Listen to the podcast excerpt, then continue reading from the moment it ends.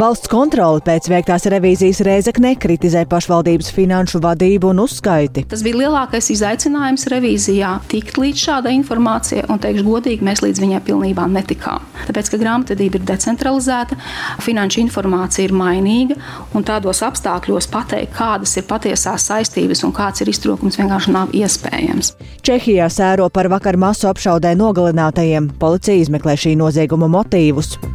Rīgā sākuši kursēt pirmie Rīgas satiksmes elektroautobusi un noslēdzies labdarības maratons dod pieci. Arī par to plašāk raidījumā pusdiena.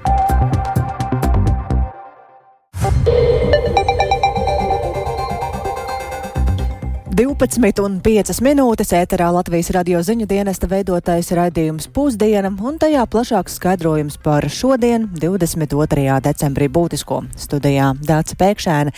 Esiet sveicināti!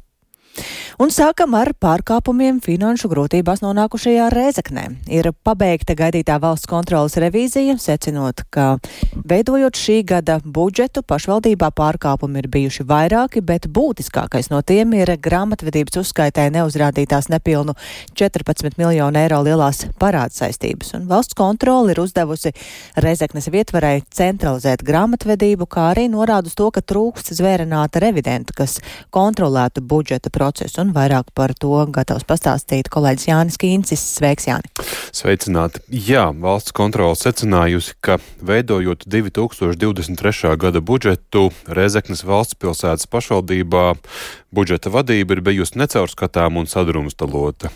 Budžets ir veidots nepilnam gadam, kas jau pats par sevi ir normatīvo aktu pārkāpums, un pēc būtības bez izdevumiem un resursiem dažādu pasākumu sekšanai vismaz trim šā gada mēnešiem nav bijuši ieplānoti vismaz 8,6 miljonu eiro.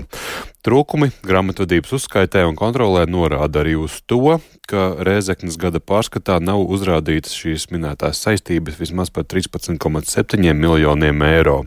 Lūk, valsts kontroliera Edgara Korčāgina komentārs par šiem konstatētajiem trūkumiem. Situācija, kad nav skaidri procesi, nav skaidras atbildības, kad grāmatvedība ir decentralizēta, nav brīnums, ka šāda situācija rodas. Mēs vēl paskatījāmies papildus divus jautājumus. Pirmkārt, par to, kā tiek īstenoti un plānoti investīciju projekti, lielie, naudiski ietilpīgi investīciju projekti pašvaldībā. Mēs redzam, ka tie tiek um, īstenoti un iekļauti bez skaidri formulētām prioritātēm. Nepietiekami tiek izvērtēta projektu ekonomiskums un efektivitāte. Tātad faktiski tiek uzņemtas lielas saistības bez skaidrām prioritātēm un skaidriem ekonomiskuma un efektivitātes vērtējumiem. Un vēl papildu tam, papildus tam re, revīzijas laikā arī ir konstatēts, ka siltumenerģijas tarifi Rezeknē pārskatīti ar novēlošanos tikai pēc valsts atbalsta pasākumu beigām, un tādējādi valsts pēc revidenta aplēsēm ir izmaksājusi uzņēmumam Rezeknes siltumtīkla vismaz par 4,5 miljoniem eiro vairāk nekā tas būtu bijis, ja tarifi būtu pārskatīti laikus. Um, Revīzijas tekstā par iespējamām problēmām finansiālo saistību izpildē ļoti bieži ir pieminēts vārds vismaz. Un tas pats attiecās arī uz skaitļu uzskaitījumu. Un tam iemesls ir skaidru tātad, datumu un budžeta, datu un budžeta vadības trūkums Reizeknē, kāpēc nav pilnas ticams informācijas par saistību uzskaiti. To savukārt uzsvēra valsts kontrolas padomas locekle Ilze Bādere. Tas bija lielākais izaicinājums revīzijā tikt līdz šādai informācijai, un teikšu godīgi, mēs līdz viņai pilnībā netikām. Tāpēc, ka grāmatvedība ir decentralizēta, finanšu informācija ir mainīga, un tādos apstākļos pateikt, kādas ir patiesās saistības un kāds ir iztrūkums, vienkārši nav iespējams. Šis arī ir lielākais un sarežģītākais ieteikums, ar kuru būs jāstrādā Reizeknas pašvaldībai. Būs jācentralizē grāmatvedības uzskaite. Šis nav viegls darbiņš. Pēc Bāderes teiktā valsts kontrola ceļa karti no Rēzaknes pašvaldības par to, kā sakārtot šos grāmatvedības procesus, sagaida līdz 1. aprīlim. Un vienlaikus valsts kontrola arī prasa risināt, ka pašlaik Rēzaknei nav līguma ar zvērinātu revidentu par 2023. gada pārskata revīziju, lai gan to pašvaldībai par pienākumu uzli, uzdod likums. Nesot revidentam par pašvaldības grāmatvedību un šā gada pārskatu, nesot atzinumam par to, varētu būt problēmas šo pārskatu uzskatīt par ticamu informāciju. Nu jā, un vienlaikus valsts kontrole par Rēzaknē konstatēto ir uh, komunicējusi arī ar valsts policiju un korupcijas novēršanas un apkarošanas biroju. Vai šajā gadījumā valsts kontrola arī ir vērtējusi konkrētu amatpersonu atbildību? Šajā valsts kontrolas revīzijas starpziņojumā ir norādes tikai uz Rēzeknas pilsētas pašvaldības vadības atbildību, nenosaucot konkrētus vārdus un uzvārdus. Un, bet vienlaikus Saimnes valsts pārvaldes un pašvaldības komisijas vadītājs Oļegs Burovs, uh, kurš arī jau ir paguvis uh, esot šī amatā apmeklēt Reizeknas pašvaldību, šorīt intervijā Latvijas radio uzsvēru, ka, ka būtībā tie, kuri ir atbildīgi par radošo situāciju Re Reizeknas pašvaldībā, aizvien ir pie teikšanas domē. Burovs, kura pieredzē ir vairāki gadi Rīgas pašvaldībā, aizvien ir izbrīnīts par to, kā Reizeknas pašvaldībai izdevies nonākt līdz šai situācijai. Un pašlaik pēc viņu domām bez pašvaldības finanšu stabilizācijas programmas Reizeknē neiztikt. Nepieciešams pirmais tā finanšu uzraudzība no finanšu ministrijas. Protams, ir politiska lieta. Šobrīd izskatās, Rezeknes tie, kas ir pie varas, Bartaševiča kungs ir atstādināts, bet mēs saprotam, ka visi tie, kas ir pozīcijā, ir viņas partijas biedri, un reāli tā ietekme atstādinātam domas priekšsēdētājiem ir neparprotami mm -hmm. ļoti liela. Nu. Un vēl piebildīšu, ka uh, situācijai Rēzaknē šodien arī klātienē darba vizītes laikā Latgalē plāno pievērsties arī finanšu ministrs Arvils Ašarādens no jaunās vienotības. Paldies Jānim Kīncim. Tāds lūk kritisk, re, kritisks revidentu vērtējums, bet Jānis jau pieminēja, ka Ašerādens dosies uz Rēzekni, bet vēl pirms tam kopā ar savu partijas biedru iekšlietu ministru Rihārdu Kozlovski viņi ir devušies pārbaudīt to, kā Latvijai sokas ar žoga būvniecību uz Latvijas-Baltkrievijas robežas. Un jāatgādina, ka Būvēt žogu uz robežas ar Baltkrieviju ir jāpabeidz līdz gada beigām, un Kozlovskis šorīt um, raidījumā labrīt kolēģei Elīnai Baltskarai un um, Kristapam Feldmanim sacīja, ka ir pārliecināts, ka tiešām tas tiks izdarīts, vienlaikus gan atgādinot, ka žoks nav vienīgais drošības elements. Pilnīgi noteikti, ka tas žoks ir absolūti pietiekams, ja mēs runājam par žogu. Pat salīdzinoši arī ar uh, izbūvēto daļu, kas ir uz Krievijas robežas.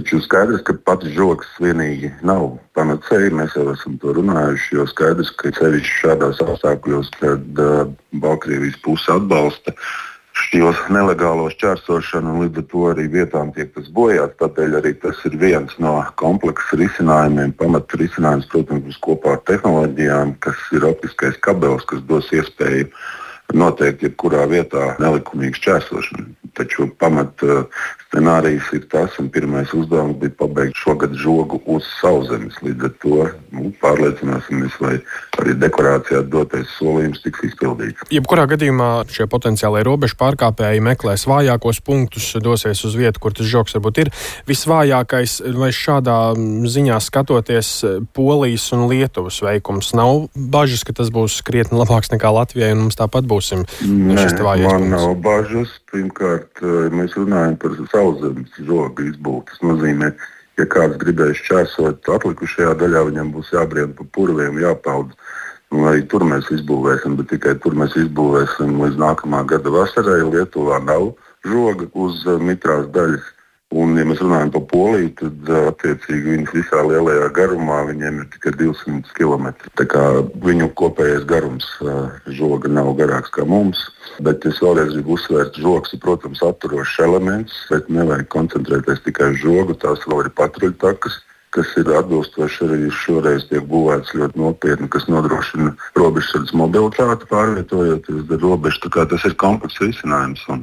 Es uzskatu, ja mēs īstenosim to, ko esam apņēmušies, tad mums būs reģionā modernākā robeža. Mums ir jānorobežojas ne tikai no Baltkrievijas, arī no Krievijas. Kāda šobrīd ir situācija uz šīs robežas? Uz šīs robežas arī jau notiek eh, iepirkuma procedūras, uzsāksim nākamgad izbūvi uz 57 km pirmie, kurās nav žoks.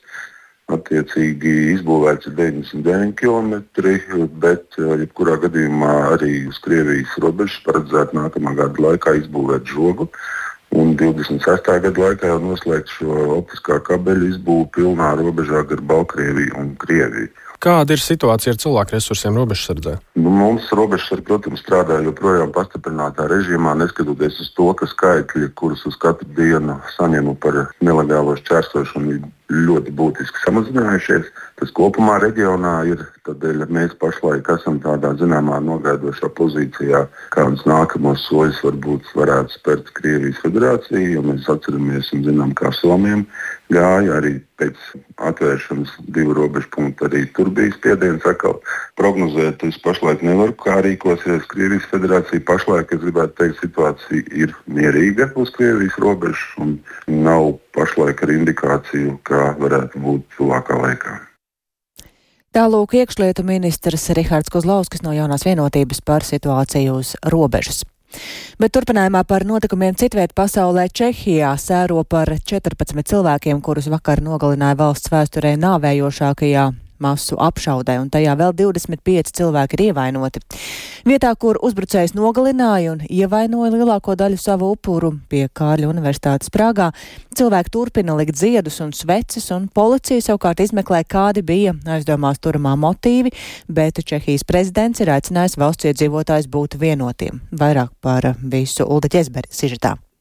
Vakar pēcpusdienā kāds vīrietis bruņojies ar šaujamieroci iegāja Kārļa Universitātes filozofijas fakultātes ēkā un atklāja uguni gaiteņos un auditorijās. Acu liecinieki apgalvo, ka uzbrucējs nešķiroja cilvēkus, uz kuriem viņš šāva. Daudzi studenti un pasniedzēji apšaudes laikā iebarikādējās telpās, lai uzbrucējs viņus nevarētu atrast, bet grupiņa cilvēku patvērās ārpusē uz ēkas dzegas vairāku stāvu augstumā.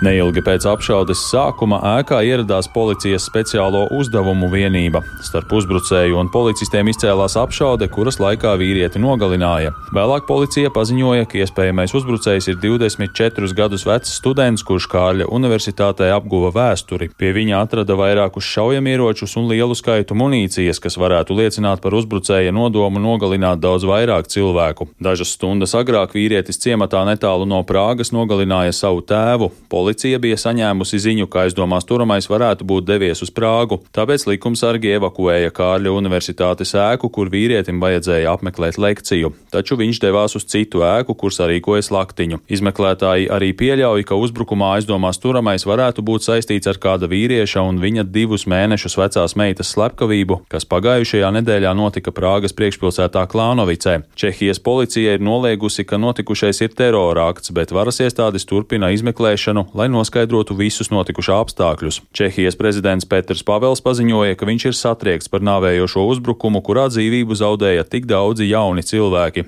Prezidents arī aicināja Čehijas sabiedrību būt vienotai šajā traģiskajā brīdī.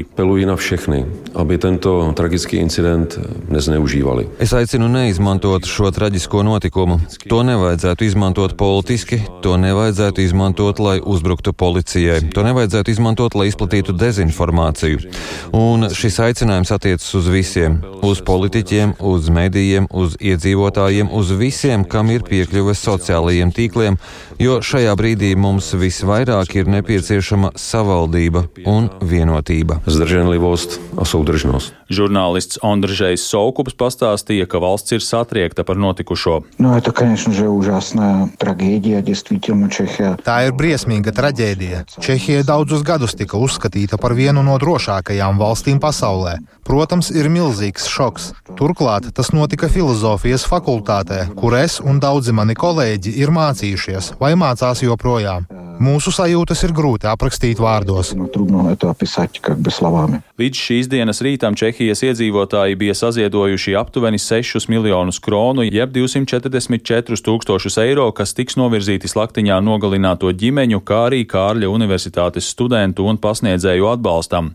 Līdzjūtību Čehijai ir izteikuši daudzi ārvalstu līderi. Piemēram, ASV prezidents Joe Bidenis sociālajā tīklā X rakstīja, ka viņam ir žēl par tiem cilvēkiem, kuri zaudēja dzīvību bezjēdzīgajā apšaudē, bet Vācijas kanclers Olafs Šolts rakstīja, ka viņš ir dziļi satriekts par briesmīgajām ziņām no Prāgas. Čehijas valdība rīt ir izsludinājusi nacionālās sēras. To laikā pie visām ēkām valsts karogi būs nolaisti pusmastā, bet pulksten 12. visā valstī skanēs baznīcu zvani, bet pēc tam tiks ievērots klusuma brīdis, pieminot uzbrukumā nogalinātos.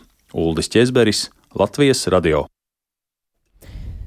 Un atgriežamies Rīgā, kur jaunums no šodienas sagaida sabiedriskā transporta lietotājs, jo sāk kursēt pirmie pieci uzņēmuma Rīgas satiksme elektroautobusi.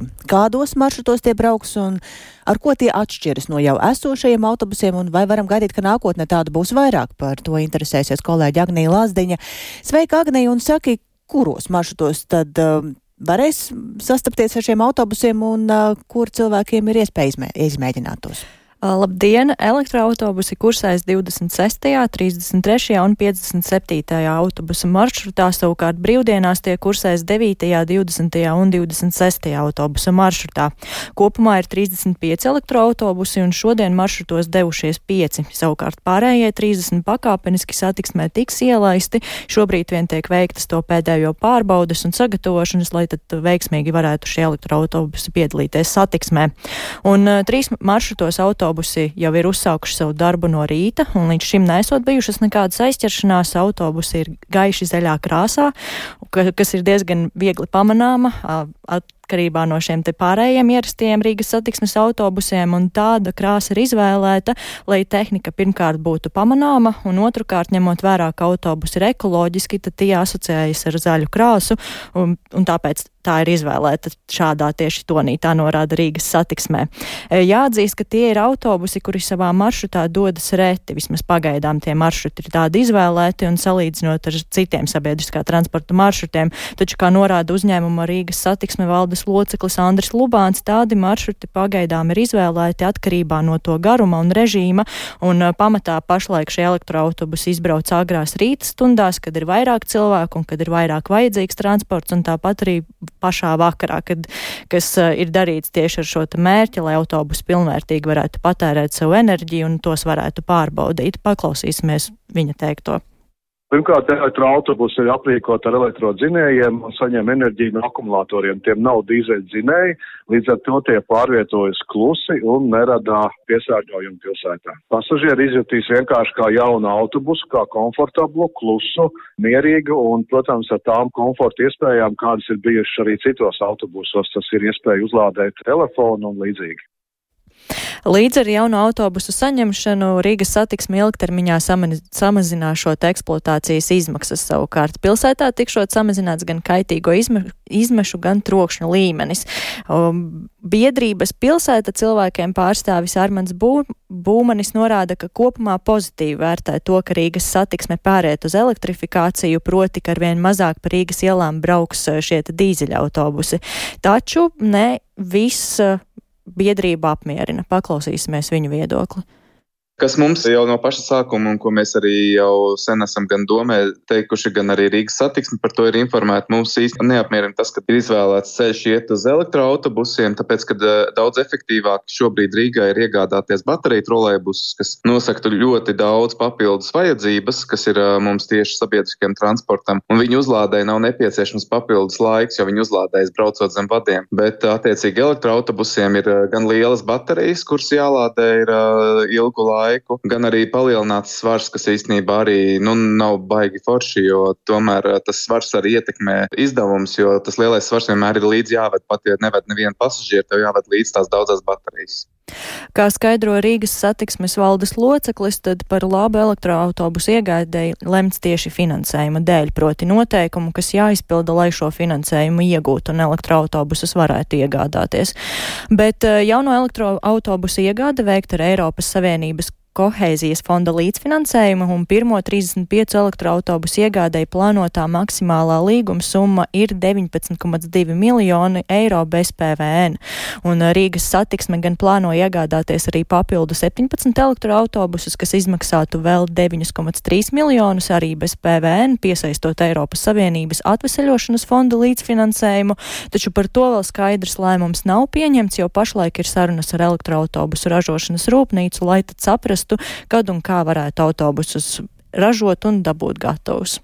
Paldies Agnijai Lazdiņai, tas tātad par jaunajiem elektroautobusiem. Bet eh, nākamgad būs izmaiņas mežu certifikācijā, jo Latvijas valsts meži apturēs dubulto mežu certifikāciju. Un kārtības maiņas atrauc daudzus uzņēmējus, jo līdšanējā kārtība ļāvus atrast noieta tirgus, bet um, vidas aktīvisti ir bažīgi par bioloģiskās daudzveidības iespējamo samazināšanos plašāk Dainas Zalamanas ierakstā.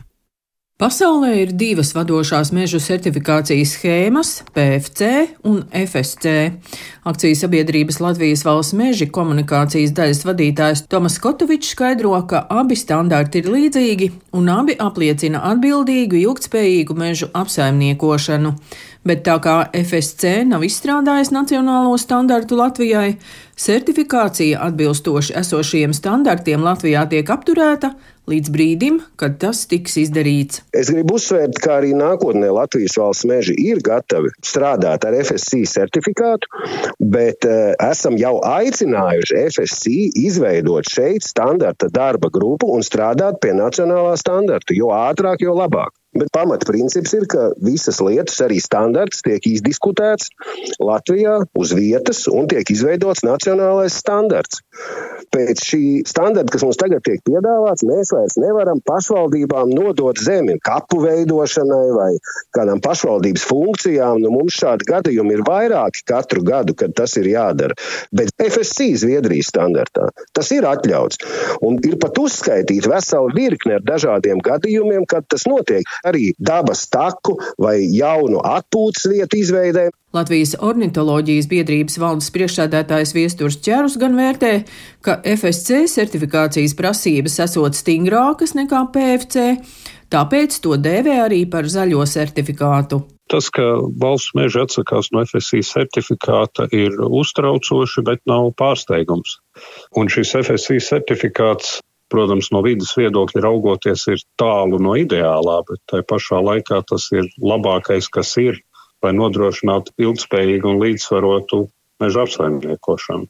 FSC prasības ir saglabāt vismaz 10% mežu kā aizsargātus, neaizskaramus. PFC vispār nav šādas prasības, ir tikai vispārīgi uzstādījumi, ka bioloģiskā daudzveidība ir jāsaglabā, bet tādu konkrētu prasību, kādas ir FSC standartā, tādu tur nav. Šīs FSC prasības arī noteikti ar laiku kļūtu stingrākas. Un, ja jau, jau šī brīža prasības nav iespējams izpildīt, nav iespējams to certifikātu saglabāt, tad ir skaidrs, ka bioloģiskā daudzveidība Latvijas valsts mežos turpinās noplicināties. Vairāki kokapstrādes uzņēmumi Latvijā līdz šim izmantoja tieši FSC certifikātu, un ar tā palīdzību izdevies atrast jaunus noieta tirgus. Latvijas Kokrūpniecības federācijas izpildirektors Artūrs Bukons vērtē, Esošā situācija liecina par nespēju vienoties. Abas mežu certifikācijas sistēmas, PFC un FSC, izsniedz divus certifikātus - mežu apsaimniekošanas un piegādes ķēdes certifikātus. Tie nepieciešami ražotājiem, lai varētu pierādīt, ka pārdoto produktu ražošanā izmantotā koksne tiek iegūta no mežiem, kuri apsaimniekoti ekonomiski pamatoti, vidē draudzīgi un sociāli atbildīgi. Daina Zalamane, Latvijas radio. Un vēl par to, ka ir noslēdzies šī gada labdarības maratons dod pieci, kas šogad bija veltīts bērniem un jauniešiem, kas sarežģīta apstākļu dēļ ir nonākuši riskantās situācijās vai nespēja iekļauties sabiedrībā. Un, lai palīdzētu viņiem kopā saziedoti 450 tūkstoši eiro, nedaudz vairāk par to, un atskatoties uz um, maratonu un Latvijas radio 5 programmas direktors Kārlis Kazāks saka, ka ir labi padarīta darba sajūta ne tikai par uh, savākto naudu, bet arī par to, ka aktualizēts šis temats. Tā sajūta tiešām laba, jo e-pasti ir radio mājā pilni. Mēs um, redzam, ka uzsāktā saruna ir tā vērta, ka tā turpināsies. Mēs tiešām gribam sajust, ka mēs kā sabiedrība atkal kļuvām par kāpēc viņu labāk. Ierastī maratona noslēgumā tiek sagatavota arī atklātā vēstule politikas veidotājiem ar tādiem skaidri definētiem punktiem, kas tiem ir jāizdara, lai uzlabotu situāciju. Vai tāda ir tapusi arī šajā reizē? Jā, šāda vēstule tā vēl tiek precizēta, bet tāda ir. Un mēs kopā ar arī organizācijām, kuras ikdienā strādā ar jauniešiem, esam nu, patiesībā ieraudzījuši arī daudzas lietas, kuras mēs kā sabiedrība nevienmēr esam darījuši vislabāk un vispareizāk. Un ir, ko mums pielikt gan politikā, gan domāšanas veidā, kur arī patiesībā tas skar gan izglītību, gan dažādas jomas, kurās mums ir kur augt. Un, un mēs, kā dot pieci akciju, kārtējo gadu ieraugam, pamanām, definējam, pasakām priekšā valsts pārvaldei arī mums pašiem, kas tad ir nākamie soļi, ko darīt. Bet vai kopumā ir radusies tā sajūta, ka sabiedrība ir tā patiešām sapratusi šī gada maratona mērķi? Es domāju, ka šī gada maratona mērķis ir tik liels un tik sarežģīts, ka viņu tā saprast, lai teiktu, ka jā, mēs sapratām, nē, mēs nesapratām. Mēs uh, pacēlām jautājumus, uz dažiem sākām atbildēt, ne uz visiem. Un vēl pēdējā dienā arī pats, tad, kad biju jāviesojās studijā, pie sevis domāju, kas ir tas, ko mēs neesam izrunājuši, un, un varētu runāt vēl, un vēl, un vēl. Jaunieši un turēšanās uz ceļa laikmetā, kurā ir gan sociāli tīkli, gan ekspektācijas pret jauniešiem, ko mēs kā pieaugušie esam uzstādījuši. Man šķiet, ka tur būt par jaunieti šobrīd ir, uh, daudz izaicinājumu. Un, uh, tur mums katram pretī jāmeklē, kā mēs varam būt labāk, kā mēs varam sasniegt foršākus mērķus kopā ar jauniešiem. Ar to izskan raidījums pusdiena, ko veido Lauris, Lauris Zvēnieks, Renārs Šteimanis, Ernests Valds, Fjodoros un tāds pēkšēni uz tikšanos pēc svētkiem. Yeah.